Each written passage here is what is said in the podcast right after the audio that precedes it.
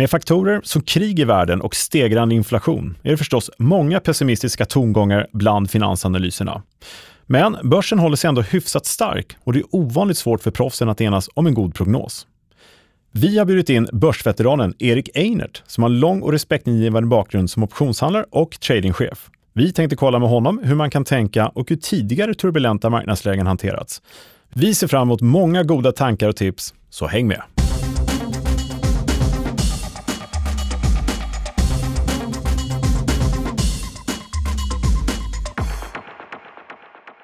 Ja, välkommen tillbaka till Optionspodden. Det här är ju podden serie kunskaper som ingen privat eller professionell investerare på börsen bör vara utan. Välkommen till avsnitt 52 och jag säger välkommen tillbaka till Thomas Bernholm. Tack så mycket. Från Nasdaq. Tack. Hur känns det? Tack bra. Ja. Hur mår du, Kalle? Jo då, eh, jag mår bra. Eh, trots läget i världen och så, som jag tycker är lite dystert förstås. Mm. Eh, tycker vi alla va? Ja. Eh, men vi kämpar på, som vi säger. Eh, och idag ska vi prata lite grann om just det, lite grann sådär. Faktiskt börsläget är svårt, är det ju. Eh, vi ska ju strax som vi brukar göra prata lite om, ja, lite om hur börsen mår och nivån på risk och sådär. Eh, kan redan nu avslöja den här lilla cliffhangern hur börsen mår. Att det är inte så hög risk som man skulle kunna tänka sig. Så, så hur var det förr i börsen och hur är det nu? Vad tänker du? Tror du Nej, jag trodde du skulle påannonsera mer vår gäst idag ordentligt här och han kommer prata lite mer om hur det var förr och lite mer kanske. Ja, sådär, så att, eh, det tänkte jag komma till här. Ja. Erik Einert ja, som vi ska prata med om ett tag. Det ska bli jättespännande. Ja, han har många år bakom sig med mycket kunskaper att dela med sig av. Det ska bli väldigt, väldigt intressant. Otroligt duktig och kunnig. Ja, på alla sätt faktiskt. Så att, eh, eh, ja, men det finns lite paralleller eh, med tidigare kriser och, och sådana mm. hemskheter och turbulenta tider i marknaden. Så att, eh, det kan vara lite intressant. Hur ska man agera med sina investeringar? Vad, vad kan man tänka på? Hur kan man göra? Och hur var det förr? Och lite så här. Man kan alltid lära sig lite grann av historien. Ja, men definitivt faktiskt. Och eh, ja, som vi har varit inne på i vårt dagliga arbete, kunskaper är ju viktigt. Vi ska se till att utbilda marknaden eh, så gott det går. Eh, och det är på gång, eller hur? Jajamän. Ja, mm. Så att Ja du, säg inte mycket idag. Ska vi bara kolla hur marknaden går kanske? det tycker jag. Ja. Kör igång Kalle. Ja, det gör vi det. Ja, vi kollar. Tack. Hej. Kalle, hur ser det ut på börsen? Hur är läget? Ja, eh, det är ju lite frågan om, vi pratade här med eh, förvaltare tidigare som beskrev det ganska bra, bedrägligt lugn sådär. Mm. Och det är kanske många som håller med om det. Aktiemarknaden har ju då en underliggande styrka som många tycker. Vi är högre nivåer just nu än vad det var när ja, kriget vi alla pratar om det bröt ut den 24 februari. Så den här styrkan eh, eh, känns lite då som att det trotsar nästan, ja, nästan trotsar ska man säga, såväl krisläge som inflation. Mm. Eh, inflationshotet som också nästan kommer ibland då i lite skymundan kan jag tycka eh, när vi pratar Ukraina hela tiden. Men eh, risken är ändå hyfsat hög, alltså den är inte superlåg, det är den ju inte. VIX-index här är på 23,3 sista print eh, när vi pratar här. Och det har gått ner då från, jag printat över 40 någon sekunder tror jag det var. Eh, och stängde 30, ja 36, 37 om jag minns rätt som högst här. Eh, och gått rakt ner sedan dess faktiskt, mm. eh, risktermer och är nu nere på 23, på väg neråt om man ska följa det. Så. Ja men i förra avsnittet så hade vi där, det var? Då hade vi 35 ja. Eh, och det var lite högre än det efteråt och sådär. Och det var alltså 23? Ja, nu är det 23. Mm. Så att, eh, och det här gäller ju då även enskilda aktier, inte bara index, utan det är överlag så har risknivåerna kommit ner markant. Eh, vilket kan vara lite motsägelsefullt eftersom vi har ju ett ja, aktivt krig i världen och inflationshot som sagt med mera. Mm. Så att eh, bedrägligt lugn är väl kanske den bästa eh, beskrivningen just nu. lite grann sådär. Därmed inte sagt att det är uppenbart att det måste gå ner. Det kan ju bli fredsavtal här i några dagar, det vet vi inte. Eh, vi kan hoppas på det förstås. Eh, och inflationen kanske inte riktigt är någonting vi har sett effekten av än, vem vet. Och, ja, så att eh, det är lite kvar att se vad som händer här helt enkelt. Absolut. Men just nu är risken ganska låg, 23 som sagt på VIX. Hur ser det ut på SKU då? Mm, nedsides risken, jag säga, nedsidesskydden. Ja, SKEW ligger på 136, eh, där förra då var på 135, så att det är liksom ingen skillnad egentligen. Nej. Det kom ner däremellan. In, mellan våra avsnitt här så har det faktiskt fallit ner mot 130 och gått upp lite grann igen. Men inga markanta rörelser eh, överhuvudtaget egentligen. Okej. Så att det är god vilja att ta risk i aktiemarknaden i risktermer just nu. är det. Och eh, inte så att man förbereder sig på någon eh, jättesättning här framöver. Mm. Eh, så nedsidan inte nämnvärt uppvärderad sista tiden. Ja. Så är det inte. Eller så är det att det inte är det. Men en lägre implicit volatilitet generellt än vad Mm. du har förväntat i alla fall. Ja, definitivt. Mm. Och eh, nu är det som så att marknaden är ju svårtolkad som det är nu. Och man, de analyser jag tar in då från eh, förvaltare på andra sidan pölen och de, ja, de säger så. Mm. Eh, ja, men det är att eh, det här kriget kan bli väldigt utdraget och det betyder att det, vi kommer få vänta länge innan det händer något som är en trigger, att det blir fred eller gud förbjude att det blir ännu värre. Eh, men just nu finns det inte så mycket att eh, ta på helt enkelt. Det är ingen som vet riktigt vad man ska handla på sådär. Och då blir det lägre värderingar och det blir små rörelser och det i sig gör att risken går ner lite grann. Mm. Men då kan det vara som så att det kan vara oerhört snabba vändningar här såklart. Händer någonting eh, bra eller dåligt, då märker vi det väldigt snabbt nu. Så att det är väldigt eh, eh, trigger-inspirerat nu. Man sitter med nerverna på utsidan och avvaktar som det är just nu. Eh, vi tittar också då på vår eh, volatilitet på volatiliteten, V-VIX-index. Hur dyra själva optionerna på VIX är. Det vill säga spekulationen av rörelsen av risken. Det här blir nördnivå. Men ju längre tid av lugnare marknad, desto mer förberedelse blir det på marknadsrörelser. Så att för varje dag som går, när det inte rör sig så mycket, så förbereder sig marknaden på någonting som komma skall. Förr eller senare så kommer någon sorts trigger, eller hur? Och då brukar man märka det i den här ration och eh, den har varit låg. Den är fortsatt låg, men den har gått från, förra gången hade 3,65, den är nu 4,75 och det är en ganska kraftig eh, liksom ökning i den. Ja. Betyder här nu ingenting, men om den fortsätter öka och marknaden blir fortsatt stark och risken fortsatt liksom lugn, då kommer den här förmodligen eh, sticka iväg. Då kommer spekulationen på volatilitetsoptioner i VIX öka och risken att eh, det ja, händer någonting som gör att VIX då kommer eh, stegra iväg, ja, ökar. Och då ska man hålla koll på den här. Stiger den mot 6-7 här som jag sagt tidigare, ja då börjar det bli nästan självuppfyllande att Ja, det ska. Korrigeras igen. Okej. Så, Så 4,7 ungefär. ja, 4,7 ungefär. Så att eh, så ser det ut just nu riskmässigt. Det är ett bedrägligt lugn, eller avvaktande lugn i alla fall. Och eh, det kanske är mer aktuellt än någonsin att hålla koll på de här volatilitetsnivåerna som en extra analyspuck i sin dagliga handel. Då har man ja, optimal koll skulle jag säga. Det låter klokt. Hur ser det ut på våra papper, de största? Ja, eh, och det här blir ju lite eh, enformigt ska jag säga. För sista gången vi pratade om index på Sverige, Sverige, OMX-index helt enkelt, så hade vi en implicit vol som var 40, ja det var 45 någonstans där. Nu har det halverats, så just nu ligger indexvolen på 21, 20,8 sist jag mätte upp exakt här. Och det är ju väldigt lågt Ja. under rådande omständigheter. Va? Jag tror att det ska vara lite högre. Mm, Alltså. verkligen så. Och eh, då har vi en edge som är eh, minus åtta punkter, men det är inte så konstigt eftersom den historiska volatiliteten, att jämföra med den som handlas nu, implicita, det är ju edgen. Eh, och det släpar ju då den historiska. Den rörelse vi haft bakom oss 30 dagar tillbaka, den kommer ju avspegla sig då i den historiska volatiliteten. Just nu så drar marknaden ner risken på börsen och implicita volen är 20 och då blir edgen negativ. Om det nu är så att det ska hålla ända fram till ja, aprilförfall som det här är då. Det återstår ju att se. Och det här är ju förändligt eh, från ena dagen till den andra. Men just nu värderar marknaden börsen till den låga risken faktiskt. Mm.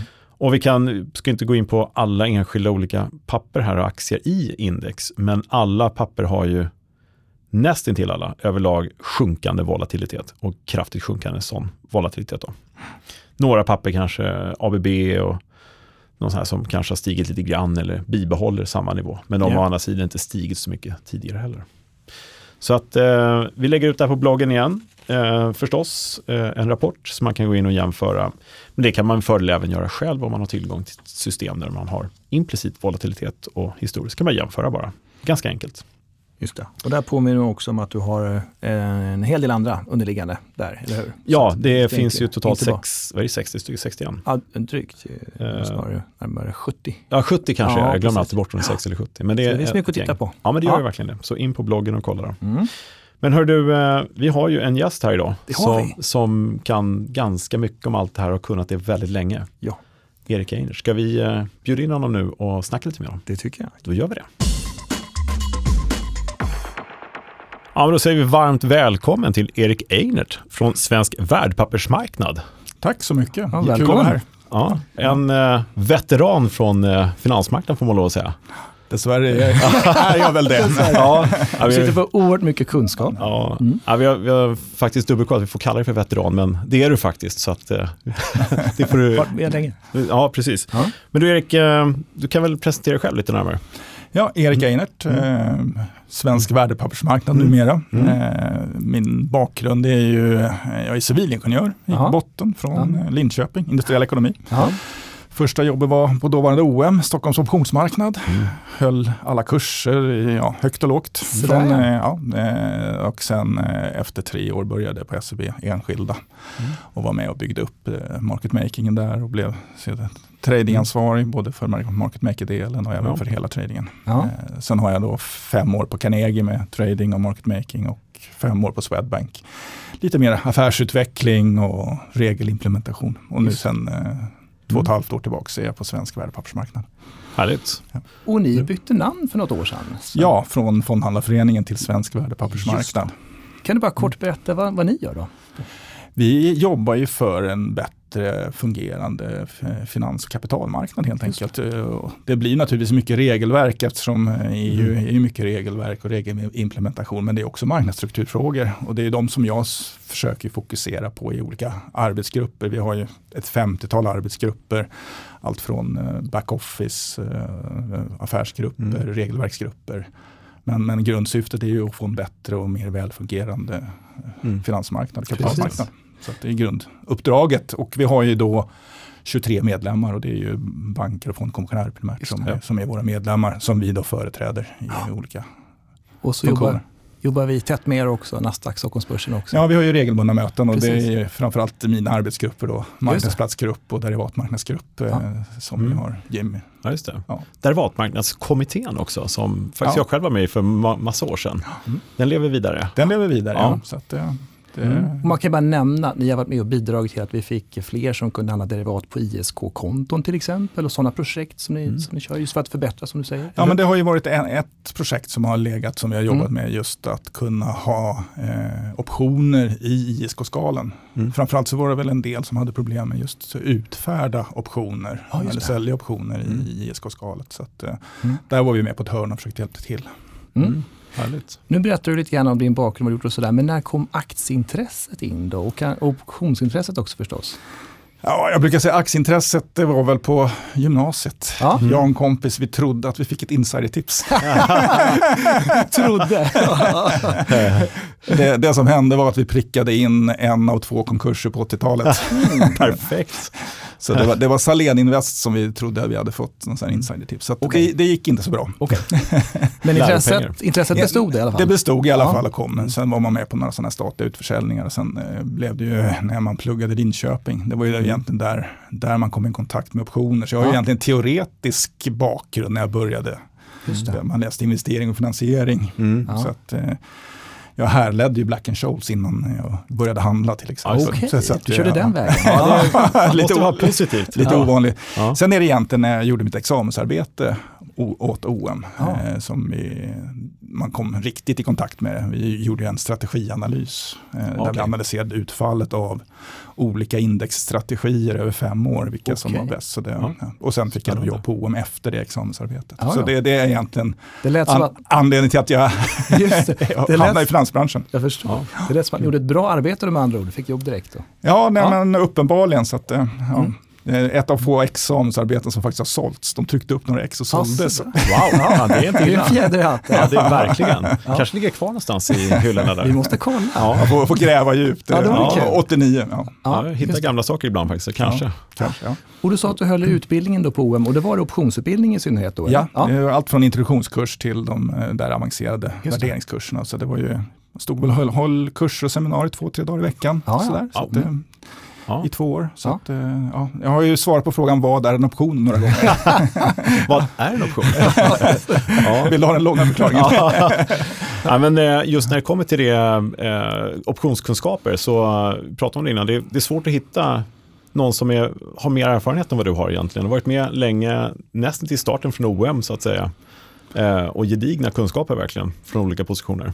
Ja, jag har ju erfarenhet både teoretiskt och praktiskt eftersom jag har handlat och market makeat derivat i många år. Så att, eh, Mm. Ja. det, jag har lite olika vinklar nu, nu på slutet, även regelverksbiten, Mm. även risk. Och, compli- och compliance är Ja. delar i det här också, man ska inte ta helheten. Ja, just det. Och jag måste bara dra en liten anekdot. Eh, Mina första stapplande steg på OM i ja, mitten av 90-talet så fick jag ju eh, jag hållas lite tillbaka först för att innan jag kom in i den skarpa handen. Och då fick jag höra att eh, ja, men det är bra om du eh, pratar med Erik Einert. Eh, och så handlar det lite om honom, för han är pedagogisk, han är bra och han är liksom den eh, bästa att liksom prata med sådär. Så det minns jag, det minns inte du va? Jag minns inte det, men Nej. jag tackar för det. Så Ja, Jag fick en liknande kommentar internt om att man kan inte se på Erik att han är stressad. Var på Nej. Magnus Avander som, den, som satt bredvid mig och sa, jo det kan man visst det. Han rättar till slipsknuten. De små tecknen. ja, så a- alla har sina, sina tics. Ja. Ja, visst. Ja. Det var det lilla kanske. Ja, ja, ja, väldigt gott renommé, även inne på Nasdaq när vi pratade tidigare idag här också. Men du, din tidigare roll här då som eh, trader framförallt, som kanske har präglat större delen av din karriär, och så här, market maker. Eh, hur var den egentligen? Och du har varit med om ganska många scenarion i marknaden. Sådär. ja, alltså det är ju lång, man har ju varit med om mycket, både marknadshändelser och utveckling. Alltså det har Mm. varit en period av både produktutveckling, teknisk utveckling Mm. och hur man handlar fram och tillbaks. eh, Så att, och jag började ju, innan jag började market maker, så det första jag gjorde var ju egentligen indexarbitrage. Så att det var ju arbitragehandel, man gjorde, Ja. gjorde korgen mot terminer helt enkelt. Just det. Eh. Och sen eh, var jag med då när enskilda ju, gjorde en omstart och började om igen och market makea Ah, ja. 93. Så att, eh, Ja. Och det, det var väl egentligen, det, det var ju en riktigt rolig resa att vara med Mm. från, från starten där när, Ja. när, vi, när vi drog igång den satsningen. Och det var en helt annan tid förstås, då kunde man göra, det fanns mer arbitragelägen och så. Det fanns inte så många snabba datorer som bara högg direkt. Nej, jag, man satt ju och kvoterade manuellt. Ja, just det. Eh, Ja. och jag, jag brukar säga att jag var nog den sista manuella kvoteraren. Svårt att släppa. ja, ja, Ja. Jag var så stel i armen för man satt, man satt ju och slog priser. Ja, just. Ja, ja, ja, just det. Härligt. Just det. Ja. Ja. Eh, Men jag tänkte på eh, tradingchef, du har varit med om ganska många olika marknader. Just nu är det en väldigt speciell marknad igen, det är stökigt och oroligt och sådär. Du har varit med om ganska många sådana genom åren. Ja, det har ju varit många kriser som man upplevt Mm. och eh, lite som det är just nu så upplever jag att, ja, jag har sett Mm. några gånger tidigare, att man Mm. har varit igenom en, en, en sättning och så har det kommit tillbaks. Det är fortfarande samma genuina osäkerhet. ja. Men man har liksom ingen trigger att handla på. Men, men osäkerheten består. Vad händer? Alltså, vad är nästa steg och vad, vad kommer man fokusera på? Det, det är väl lite där jag Ja. tycker att vi är just nu. Då. Men Ja, just det. Sen, sen är det ju alltid, det är alltid svårt att handla i de lägena. Ja. Mm. Och där är ett typiskt scenario då kanske att den trycks ner plötsligt så handlas det upp lite och trycks ner och, och Ja, Ja. Nej, men, nej, men om du, du tar kriget, Ja. så, så, ja, Mm. nu hade man ju handlat ner börsen innan, men sen så blev det en ytterligare sättning. Det är Mm. den som Ja. har kommit tillbaks nu. Då.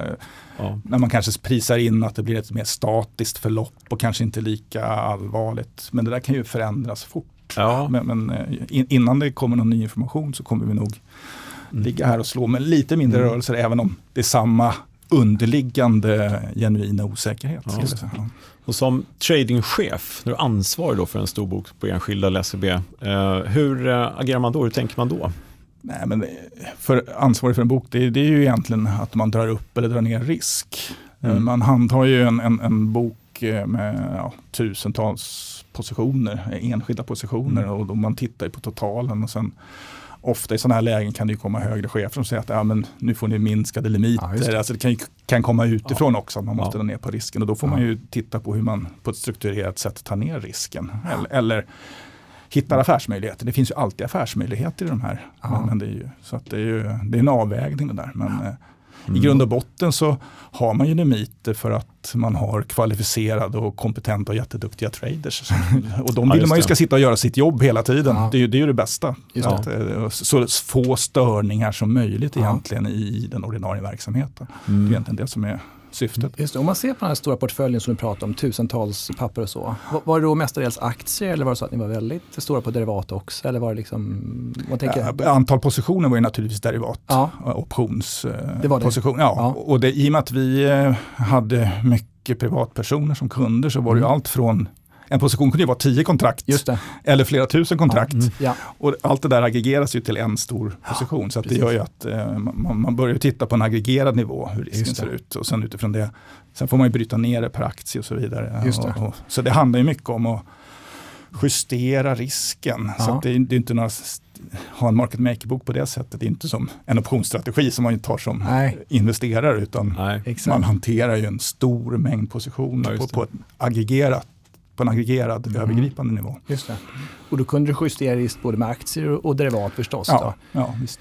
Mm. Och kanske eh, skydda en annan produkt, alltså en annan underliggande, ett annat land kanske. Eller, och så, Ja, ja nej, men så det har jag ju, Ja. alltså, till exempel om eh, framförallt de största positionerna som jag har varit med om i OMX-index, eh, det kunde man ju ha- hedga i Tyskland. Då, då. Ja, just det. Mm. Det Ja. alltså ganska korrelerat. Ja. I, alla, I alla fall eh, alltså volatiliteten, eller risken för stora kursrörelser kunde man i alla fall hedga.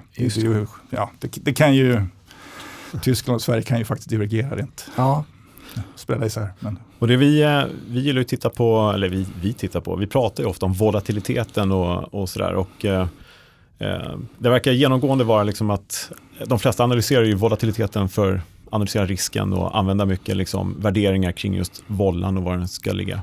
Och jag antar att det har inte ändrats någonting med åren. Det har alltid Nej. varit så, eller? Det är ju samma analys och, Ja, och, ja. volatiliteten fyller ju flera funktioner. Dels är det ett mått på vilken risk man är. Jag, jag gillar ju att handla volatilitet, Mm. egentligen en uppfattning om volatiliteten ska upp eller ner. Nej, det är ju en, det är nästan som en commodity i sig att handla. Ja. Sen fyller det en funktion för att kunna prisa alla optioner på rätt sätt. Alltså det finns en relation Mm. mellan optioner och där eh, är ju volatilitetsantagande så att man man prisar optionerna Ja. rätt inom citationstecken. Just det. just det. Så att det, det finns ju, sen, sen har man ju olika funktioner med volatilitet. Dels har du liksom hur, hur du prisar, men sen har du ju även hur du hedgar. Så Ja. du har en volatilitet för att hedga. Och sen har du en hur du markerar, liksom hur du värderar. Så, så att volatiliteten används ju i olika aspekter. Just det. Dä- Däremot tror jag att man, eh, många slutinvesterare fokuserar lite för mycket på volatilitet. Just. Eh, ja, visst, det kan Mm. vara bra att veta om det är generellt högt eller Mm. generellt lågt om man ska utfärda eller köpa. Mm. Men att eh, gå in, de, den lilla handel jag gjort privat, då har jag struntat i volatiliteten. Alltså, egentligen. ja. Utan då är det ju snarare liksom, ja men vill jag ställa eller vill jag köpa? Of- Ofta, Mm. ofta, ofta utfärda då. då. Så att, eh, alltså, har man bara koll på hur optionen fungerar Mm. och sen om man har koll på om det är högt eller lågt så, Ja, så, så kommer man ganska långt. Ja. Mm. Ja, men det, det är en eh, klok tanke. Det finns ju förstås olika nivåer eh, och eh, många vet jag lyssnare till optionspodden här är privata investerare. Så. Eh, De är inspirerade av att, att titta på volatilitet. Men det är som du säger om det är jättehög vol eller låg vol. Sen så pratar vi om skew ibland också om det är högt värderat på nedsidan och så här. Det kan vara lite kul att hålla koll på för de som är ytterst intresserade. Ja, och, och Mm. skew har ju alltid funnits. Eh, jag tycker då när det är hög volatilitet så borde ju skewen komma ner eftersom allting prisas upp. Ja, till exempel. Men i grund och botten tycker jag det, det är ett sätt att prisa in att optionsvärderingsmodellerna inte kan prisa in stora event i marknaden. Ja. Och där, därför Mm. prisar man upp det. Framförallt så är det optioner ofta med låg premie som Ja. prisas lite mer som lottsedlar. Ja, billiga i kronor och ören. Eh, Billiga i kronor och ören. Mm. Och det innebär att de blir dyra i volatilitetstermer. Men, men, eh, Mm. så, och det är ju förklaringen till skew egentligen. Så att, Ja, det. eh, och det är ju en tradingstrategi i sig, att, att handla skew. Ja. Men, men det, då är man ju inne på teknikaliteter. Ja, och professionell trader kanske Ja, oftare ja, gör det. Ja. ja. Men Men, men du hade alltid en uppfattning, eller har kanske än idag, men en uppfattning om volatiliteten, den implicita volatiliteten. Ja. Och hur eh, analyserar den, hur förutser du den så att säga? Är det, är det mer baserat på mycket erfarenhet eller finns det något sånt där som du... Nej men det är ju eh, makro och vad man Ja. tror. eh, Alltså, det är lätt, som trader är man ofta bäsad och ser risker överallt. Men jag kan ju ta som exempel när jag började Market Maker, då hade jag ju precis varit ute och, hållit kurser och alla fondförvaltare är anställda, um, derivatives managers och så vidare. Och jag tänkte att, eh, jag tror OMX-volen var när jag började handla runt 25 eller mm. sånt där. Så min enkla analys var att det kommer komma nya investerare här och de kommer vara ställare. De kommer sälja ja, ja, ja, och, och det kommer pressa ner volatiliteten. Mm. Och eh, på ett och ett halvt år gick volen från 25 till 12 tror jag. Så där. Okay. Ja. det var en korrekt. Jag helt rätt i mina, ja. jag, det, det blev nedgång men det var inte av den effekten för de hade fortfarande inte börjat handla.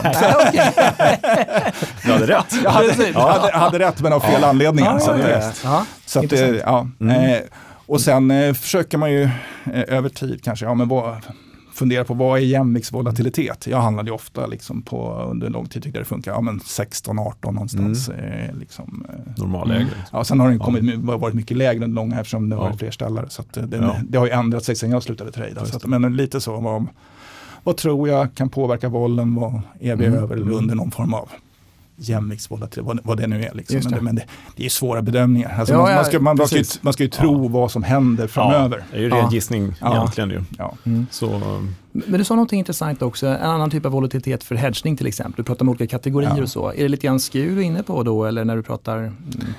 Jag, jag, har ju en lite gammal filosofi där som inte riktigt lämpar sig med modern. Men jag, jag tycker med en dummes envishet att en, en aktie kan bara röra sig med en volatilitet från här till lösen. Ja.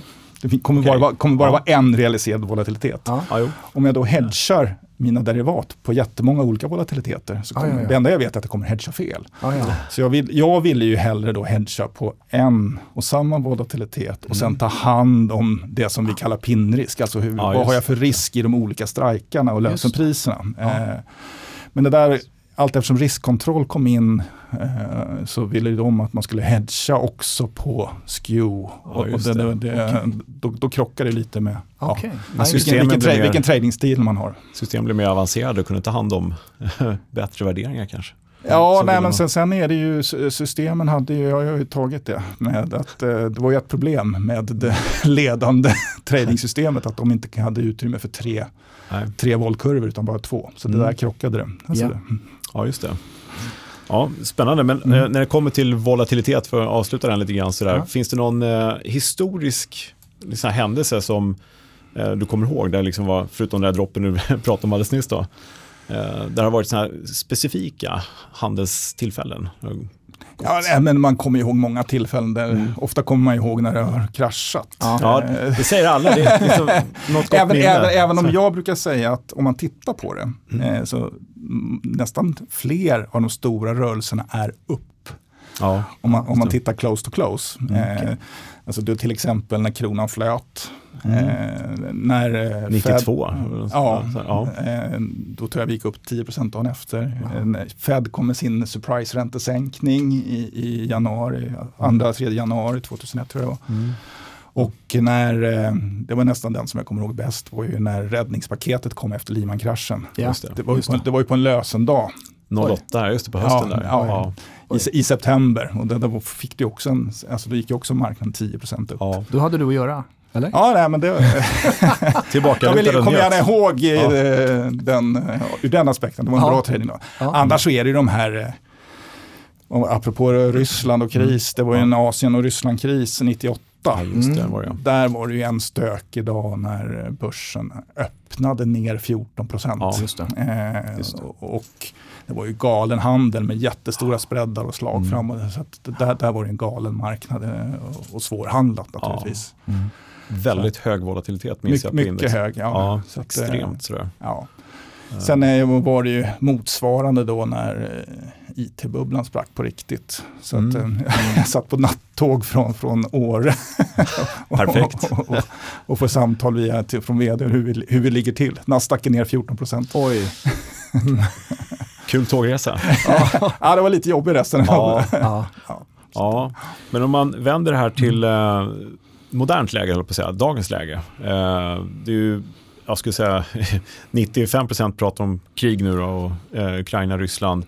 Men vi har även inflation också som är i bakgrunden nästan lite grann. Eller kanske inte i bakgrunden, men det känns som att det är bara fokus på en sak åt gången. Eh, Jag tycker ofta det är så att marknaden har svårt att fokusera på flera saker samtidigt. Och eh, vi började ju handla ner marknaden i höstas på grund av inflationsoro. Vi har stök på obligationsmarknaden eh, med, hur de handlar eh, och det är ju inflationen som stökar där. Mm. Jag tror att vi, det är en stor risk att vi får en vända till med inflationsoro. Jag tror inte Ja. vi har fullt ut har prisat in eh, hela inflationen och den löneinflation som kommer och kanske även påverkar förväntansinflationen Mm. framöver. Jag tror även att centralbanker gör sitt bästa för att försöka säga att det här är en engångseffekt och Mm. vi ska inte bry oss så mycket. Men det kommer sippra in mer än vad vi tror och då, ja. då kommer ju Fed framförallt gå i bräschen och höja tror jag. Lite fortare än vad marknaden tror. Nu, nu har man ju, börjar man ju prisa in ytterligare men jag, jag Mm. tror att eh, det är nog näst, ja. Sen kan Mm. vad som helst hända i kriget naturligtvis med, med eskalering. Men, men Ja. eh, jag tror, tror att det är ytterligare fokus på inflationen. Mm. Mm. Ja, det är svårt marknadsläge förstås, eh, men som du sa tidigare, det är ju inte någonting nytt. Eh, det har ju varit så tidigare. Och då kommer vi till vår lilla optioner förstås. Eh, och det finns ju någonting för alla marknadslägen. Men eh, är det i din värld någonting som alla bör använda kanske, optioner, eh, sådär, för att kunna skydda sig mot nedgångar eller hitta bra tillfällen kanske till spekulation? Jag har alltid tyckt att option är ett fantastiskt instrument för alla. Mm. Eh, och det är inte så komplicerat. Man skräms bort, ofta bort av att det är komplicerat. Vi pratar eh, ja, om bara volatilitet Ja. och optionsvärdering och det är konstigt. Men lär man sig bara hur, hur det ser ut på slutdagen. De, de här gamla klassiska hockeyklubbarna som vi Ja, brukar, men har, har man koll på dem och vet att eh, ja, men, eh, per ett visst datum Mm. så kommer det här falla ut. Antingen värdelöst eller med ett visst värde Mm. så kommer man mycket långt. Eh, Och då, då tror jag fram, framförallt att man kan både hedga naturligtvis. Det kan ju vara enklare om man har en stor aktieportfölj. Mm. Så kan det ju faktiskt, som antagligen är hyfsat korrelerad med eh, marknaden. Ja, men, om man, man, man blir orolig, ja, men köp då en indexoption istället för att köpa säljoptioner på varje enskild aktie. Ja, så, till, till exempel. Ja.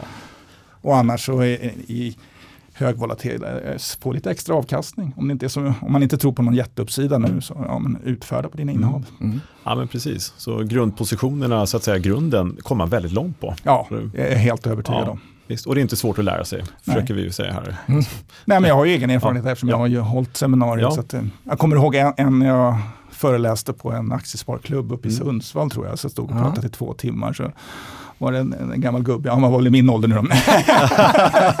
Så gammal, ja. Ja, men det, det är jätteenkelt det här med optioner. När det går upp köper jag köpoptioner, när det går ner köper jag säljoptioner. Ja, Enkelt. Grattis, det är bara ja. där, ve- veta när det går upp och Ja, ner. Ja. Exakt, den lilla detaljen. Ja. Ja, nej men, eh, jag kommer ihåg en till anekdot med dig faktiskt. Eh, det var när vi, vi gick ju ut mycket mer förr i världen och käkade middagar och sånt där. På. Eh, men då sa du till mig det första, sa, gav mig en dunk i ryggen och bara, tjena Kalle, jäklar vad alla handlar gammal nu för tiden. Jag bara, ja, jag fattar ingenting vad du pratar om.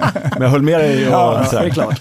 Men den nivån behöver man ju liksom inte riktigt, eh, det, det är tradingnivå. Det är trading och Ja. market maker strategier Ja. som man inte behöver ha koll på. Utan är, och sen kan man ju då om man vill krångla till det göra Mm. varianter. Alltså det är, Ja. Den enklaste är ju covered call. Alltså, Ja, sen, sen har du alla varianter med olika spreadar hit och dit. Så att, eh, Mm. ja. Och, och då måste jag ju bara fråga dig, har du någon favoritstrategi? Mm. Ja, Covered call skulle jag ju säga, men Ja. jag brukade avsluta mina kurser med vad jag brukar kalla för liggande stolen. Jaha, är det en trebening eller någonting? eller? Nej. Det är en eh, ratio spread. Ja, när, men man. Ja, nu blir Thomas när, klar. när, när, när man köper aktier också. Ja, ratio mot innehav. Liksom. Ja, Ja, Ja, det ja, var det- kul, ja. jag brukar prata om det. Ja. Jag har gjort Thomas stolt i resten av året. Och det här var inte planerat ska jag tillägga. Nej, ja. Ja. Ja, men Nej, men, framförallt så kunde du konstruera den i vissa lägen när du faktiskt eh, gick lite bättre än aktien Ja. neråt och så fick du en, en dubbel hävstång uppåt och sen en ganska bra intervall när du gick bättre än aktien. Ja, Mm. Så, att, Så där måste lite, alla- kom, li- lite, ja, det finns inget bra namn på den. Men, Alla måste kolla upp den närmare. Ja. Ja, men det är bra. Den har vi i tidigare avsnitt också. Vi har ett helt avsnitt om den tror jag. precis. Ja. Ja. Men någon annan, ytterligare sådär?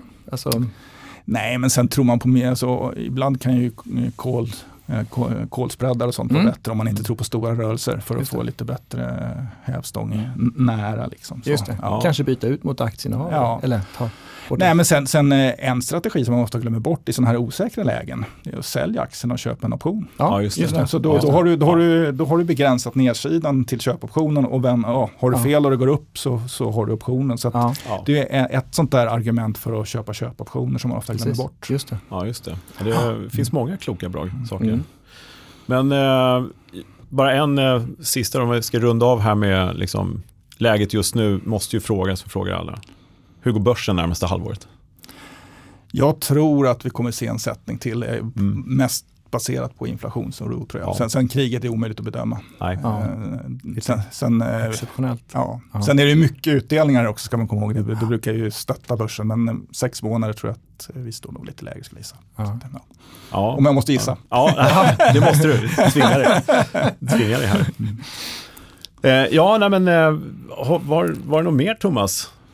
Nu kanske jag backar lite här Erik, men jag tänkte just på skillnaden genom åren, alltså förändringar som har skett och sådär, skillnader i marknaden och eh, kan du prata lite grann om det? Nej, men det har ju varit enorm utveckling på alla områden. Eh, eh, Bara ta aktiemarknaden. Så att, jag tror det var först 1995 som börsen regelbundet omsatte mer än en miljard. Sen Ja, var vi uppe på 20, 22, 25 miljarder. Bara det är klart, att bara den likviditeten gynnas ju optionshandeln. Sen ovanpå Mm. det har du den tekniska, gått från helt manuell tavelhandel Ja. till idag eh, avancerade algoritmer som handlar automatiskt. Eh, och hela den resan, var både, och, och, och utöver det en enorm produktutveckling. Mm. Och det är väl egentligen det som är största utmaningen för rena optioner. Det Ja. finns så många andra instrument. Jag, Mm. jag gillar ju, jag föredrar ju fortfarande optioner för jag Ja. tycker de är enkla, transparenta Mm. och, och, och genomlysta på, så att det är enkla att handla. Men, men Ja. det, det, det här har en hel produktpalett ovanpå. Så Ja. det har ju, ja, över de här åren så har det ju skett. Och det är egentligen det som jag i mina roller tidigare försökt hänga med i den utvecklingen och försöka liksom vara med och ja, Ja. bara hänga med är ju mycket. Men ja, vill man dessutom vara i framkant så kräver det ännu mer. Mm. Just det. Har, har kunder blivit mer sofistikerade genom åren? Menar, när du började utbilda för länge sedan, var det mest grundpositionerna eller körde du dina ratios och sånt? Och, Jag körde ratios, i Ja. alla fall på de avancerade kurserna. Ja. Då, då körde man strategier. I, I första introduktionskursen var ju bara liksom en köp och, och säljoption och utfärda Ja. respektive köp i princip. Sen tror jag att de som hänger kvar är ju de som har överlevt alla krascher. Dessvärre så har ju de här krascherna, eh, för inför varje krasch så har det varit allt för många kunder som har ställt säljoptioner. De Mm. tyckte, tyckte Ja. att det varit gratis pengar. Och så som IT-bubblan, liksom, jag vet inte hur, vi hade väl kunder som försökte rulla säljoptioner i flera år efter, alltså Ja. för att ho- hoppa om att det skulle komma tillbaks. Det. Så, så där, där tror jag att många av de här vanliga kunderna kanske skrämdes lite av. Eh, så de som är kvar är ju mer sofistikerade tror jag. Mm. Men jag har ju länge sagt att jag ho- hoppas och tror på en renässans för rena eh, Ja. Mm. optioner, sta- Mm. rena standardiserade optioner. Ja. Och utbildning är nog klokt i den vägen, att inspirera. Och, Ja, i och med att det, jag har ju den erfarenheten. Från, Ja. jag, jag tyckte det var ett fantastiskt sätt att både möta kund och liksom det, ja, på ett ganska neutralt sätt. Man Mm. förklarar hur det fungerar. Ja, Eh. Ta bort osäkerheten egentligen. och det upptäcka liksom, att det är svårt. Och så här. Nej men det är inte så svårt Nej, egentligen. Jag brukade ofta börja introduktionskursen med att ta tidningslistan och gå Ja. igenom vad, vad, står, vad, vad betyder de här Ja, kolumnerna i tidningslistan. Ja. perfekt. Ja, kul. Ja. Nej, men, eh, det finns eh, f- mycket att se fram emot, hoppas vi, i eh, optionshandeln och hoppas Mm. att börsen sköter sig. Framförallt världen blir bättre om vi får ja, vara verkligen. lite korrekta på det sättet. Men du Erik, eh, häng kvar, men stort, stort tack för Ja, det inledande samtalet Tack här. Eh, superintressant att få ta del av din Verkligen. långa fina erfarenhet här. Men häng kvar så ska vi ta lite frågor till Ja. podden. Få lite hjälp med dem kanske. Yes. Gör vi det. Ja, Kalle, du har fått in en massa frågor som vanligt, men du har väl valt ut tre stycken om jag Ja. känner dig rätt? Eh, det stämmer det. Eh, och jag ska inleda med att tacka så mycket för alla frågor som jag alltid gör. Eh, vi läser alla frågor, vi hinner inte svara på alla. Men några försöker vi svara på och några tar vi med här då. Och där har vi fått några frågor och då har vi ju Erik med oss här också som kan liksom assistera oss i svaren. Men den första frågan är då så här, har man rätt till utdelning i den underliggande aktien när man äger en köpoption? Frågetecken. Och ja, har man det? Så enkla svaret är nej. Exakt. Så där måste man ju vara med. Det är ju lite teoretiskt komplicerat men det Ja. finns ju då, eh, man kan ju räkna ut när det är optimalt att lösa i förtid för att få utdelningen. Mm. Men Ja. an, annars så får man inte utdelningen. Så att är man inte Ja, med där så, Ja, man äger ju inte aktien, man Nej. äger bara rätten att köpa Utan den går ner. Sen, sen finns det ju specialvarianter med extrautdelningar. Ja. Ni har ju, ni har ju, apropå vad vi jobbar med så är det ju bland annat sådana här regler för Ja, omräkning och sånt där. Ja. Det har Mm. ju föreningen då tillsammans med er diskuterat genom åren också. Ja, Så, Men har du någon liten kanske enkel tumregel bara vad, vad en nybörjare ska tänka på? När skulle jag eventuellt behöva lösa? Är det någonting man ska kika Prata på? om strategin early exercise. Ja. Den. Oj, den måste man ju räkna på. Den, Ja. den, den, låg ju vi, den räknade vi även som market maker på. Ja. För den är ju, det är ju väldigt... Eh, och, vi hade ju inte nollräntan så länge jag... Nej, just det. precis. Nej. Så nu kanske det finns ett klarare svar, men jag Ja. har inte det. Nej, Jag det har- finns jag inget ingen- givet case, eller hur? Utan Nej, man, får, man får räkna man- noga på man- det. Ja. Ja, det beror ju på hur långt det är kvar till lösen Ja, och, och, och när, ja, hur Ja. stor utdelningen är. Och Men det är väl dagen innan utdelning man eh, löser med fördel. Eh, man, ja, dagen innan så att man, Ja, har, om man nu vill ha utdelningen. Exakt. Ja. Beroende på hur stor utdelningen är mot Ja. Mm. kostnaden att äga. Men vi tar fråga två här. Eh, vad händer om den underliggande aktien går till noll, det vill säga bolaget går i konkurs? Vad händer med optionerna? Frågar Lukas. Det var Johans fråga först, jag ska säga. Lukas frågar här. Eh, så om bolaget underliggande går i konkurs, så har jag faktiskt kollat med clearingfolket idag för att vara helt säker. Och, Ja. ja, nej, men köpoptionen blir ju värdelös. Däremot så Ja. får man ju då, eh, man brukar ju glömma bort att säljoption har ett maxvärde. Just och, det. och i det läget så får ju då säljoptionen sitt maxvärde. Exakt. Eftersom En, en aktie kan inte gå mer än till noll. Nej, precis. Inte så dumt för innehavaren. Nej. Värre för utfärdaren kanske. Ja, och det lilla brasklappen var där eh, om det var isländska banker på sin tid när de gick, att det var oklart om de var värda någonting ett långt tag efteråt. Men, nej, men det, så- det är ju en helt annan. Ja, I ett sånt precis. läge Ja. Så, ja. Det blir juridisk grej och det Ja. hela. Liksom. Så kan det bli om det blir en konkurs då, i något Ja. stort bolag. Men annars är det så. Det är bra att äga puts. Så är det. Eh, Lena frågar så här, är det något specifikt man ska tänka på med optionshandeln när börsen är så svängig och volatil? Mm, har vi nästan gått igenom lite grann, men är det något... Nej, men det, det är ju riskbenägenheten. Det fin- samtidigt som det finns jättemånga möjligheter när det är svängigt Mm. så är det ju också Ja. större risk. Eh, så att, eh, har man en klar uppfattning, ja, men, ja, jag tror inte, ja, börsen kan gå ner 10 ja men då, Mm. då får man ju lägga in det i sin, eh, sin strategi helt Mm. enkelt, hur man handlar. Ja, Men det. generellt sett eh, så eh, handlar man för att hedga, då, då ska man hitta efter en bra hedgemöjlighet. då. Ja. Men det är också där, då måste du hitta Ja. tidshorisonten. Det fanns ju ett exempel, kommer ihåg, när jag satt på OM och Hennes Mauritz började bli riktigt hett. Då gick, det var någon vinstvarning, det var någonting som hände, Hennes Mauritz gick ner kraftigt, 10-15% någonting. Och en eh, kund kom in och köpte en call, en köpoption bara, at the money. Tänkte det här kommer vi vända upp igen. Och dagen efter så gick det upp 3-4% eh, och han skulle sälja sin köpoption. Med, vilket han gjorde, med en förlust på 15%. Han blev helt tokig. Men då hade vi alltså volatilitetsfaktorn. Så han köpte tror jag till 60 vol och sålde till 20 kanske. Sånt där. Så det kan ju vara lite sån här när det är volatilt. Det här är ju ett extremt exempel då kanske. Men eh, intressant också eftersom vi pratade lite grann om volatilitet där lite fördjupande. Nej, men det, just det där i de där extrem volatila i, i enskilda bolag, det har ju fler exempel på. Jag Mm. vet att vi fick ju mycket kundförfrågningar, framförallt inför en Ericsson-rapport, där vi pratade 90-tal. Mm. När vi fick, eh, när rapporten kom, de hade köpt calls, det kom en bra rapport, aktien Mm. gick upp och optionerna föll i, pris. Ja. Ja. Eh, och så läser de, ja men optionen ska ju gå upp, ja Mm. men eh, nu är osäkerheten borta. Ja. De Exakt. där optionerna var ju uppspäckade inför. Det, framförallt där, det är inte, inte om det är osäkerhet, är om man har, om man har späckat upp eh, Mm. inför ett event. Man, Mm. och det är ofta rapporter då, att det finns eh, spekulation på att något ska hända. Just det. Just det. och sen kommer informationen och då är, då är det känt. Mm. Och då Ja. försvinner ju osäkerheten. Exakt. Men det där är ju jättesvårt att, att förklara för en eh, privatperson. Ja. Ja, Mm. det, man ska uppleva nästan på något sätt. Ja, och det, och det, men- ja, och det är svårt att förklara för Ja. framförallt om man har grävt ner sig för mycket Mm. i, i vad jag sa, teori. Ja, Och, och då, då kanske man har lärt sig delta till exempel, Ja. alltså hur mycket optionen ska röra sig Mm. givet att aktien eh, går. Och så ser man att optionen gör inte det. nej. Eh, och då blir man naturligt, då tycker man man vet och kan Ja. och så förlorar man ändå pengar. Det är Ja. nästan det här värsta Ja, just det. eh, scenariot.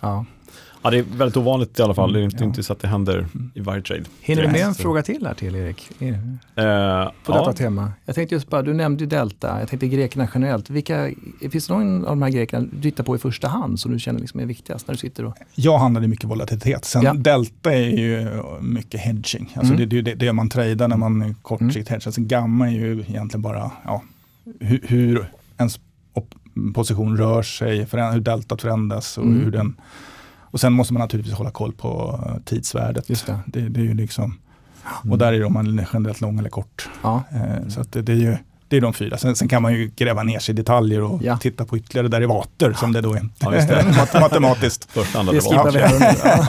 Ja. Just det. Ja, bra, tack för Ja, ja, men det Ja. finns ju mycket eh, kunskaper som sagt och eh, ska jag avsluta det med att säga att utbildning är bra och det behöver absolut inte börja svårt. Man kan komma in i det lätt med grunderna och för den som vill kan lära sig alltid om nyckeltalen och grekerna och deltagamma. Och Ja, det är inte fel att kunna mycket, Nej, men, men eh, jag tror att eh, hålla det enkelt. eh, Bra början, och, ja. tror jag. Ja. Sen är ju mer förståelse ju alltid bra. Ja, men visst. Ja. Ja, men superbra. Då Tack. eh, tackar vi för assistansen till Ja, frågorna. Och ska väl sammanfatta här lite grann. Vi har ju ett ordspråk varje gång också. Ja. Eh, och vi har idag ett ordspråk som vi måste bränna av förstås. det låter så här. Beware, beware of little expenses. A small leak will sink a great ship. Sa Benjamin Franklin. Just det. Eh, och det här är väl då lite avdelningen att hålla lite, inte spekulera för mycket och ta förluster hela tiden eh, som någon har tyckt varit okej. utan försöka hålla lite koll på sakerna när det är eh, kanske lite mer osäkert än normalt. Det där är ofta en miss som både erfarna traders och privatpersoner gör. Det att svårt att ta en loss. En loss. Ja. Klippa, klippa förlusterna i tid. Ja. Det, är- det, är- klarar man det så eh, ja, har man Ja. så mycket. Då har man kommit långt. Ja. Ja. Ja, men jättebra. Eh, vi avrundar väl här på det Mm. sättet. Eh, vi brukar ju då säga att vi har en gratis kurs i optioner på optionskurs.nu och vi kan ju också dra en cliffhanger som vi gjort tidigare också att vi har ju helt nya utbildningsmöjligheter på gång här som kommer alldeles strax. Från Nasdaq, ja. Från Nasdaq, Digital. precis. Eh, och eh, ja, optionspodden.se för tidigare avsnitt. Vi har också optionsbloggen.se och läsa på för det man önskar läsa där. Jag finns på Twitter, att se Björkegren om man vill nå mig där. Vi har också optionsplay.se för Mm. lite fördjupningar. Bra. Då så, stort tack för idag. Jättetack Erik för att du kom hit. Ja, tack så mycket. Och Tack själva. inspirerade oss. Ja. Tack till dig Thomas. Tack Kalle. Tack Smile Studios. Och tack till lyssnarna förstås. Absolut, ja. inte minst. Ja. Vi hörs. Ha det fint. hej. hej. hej.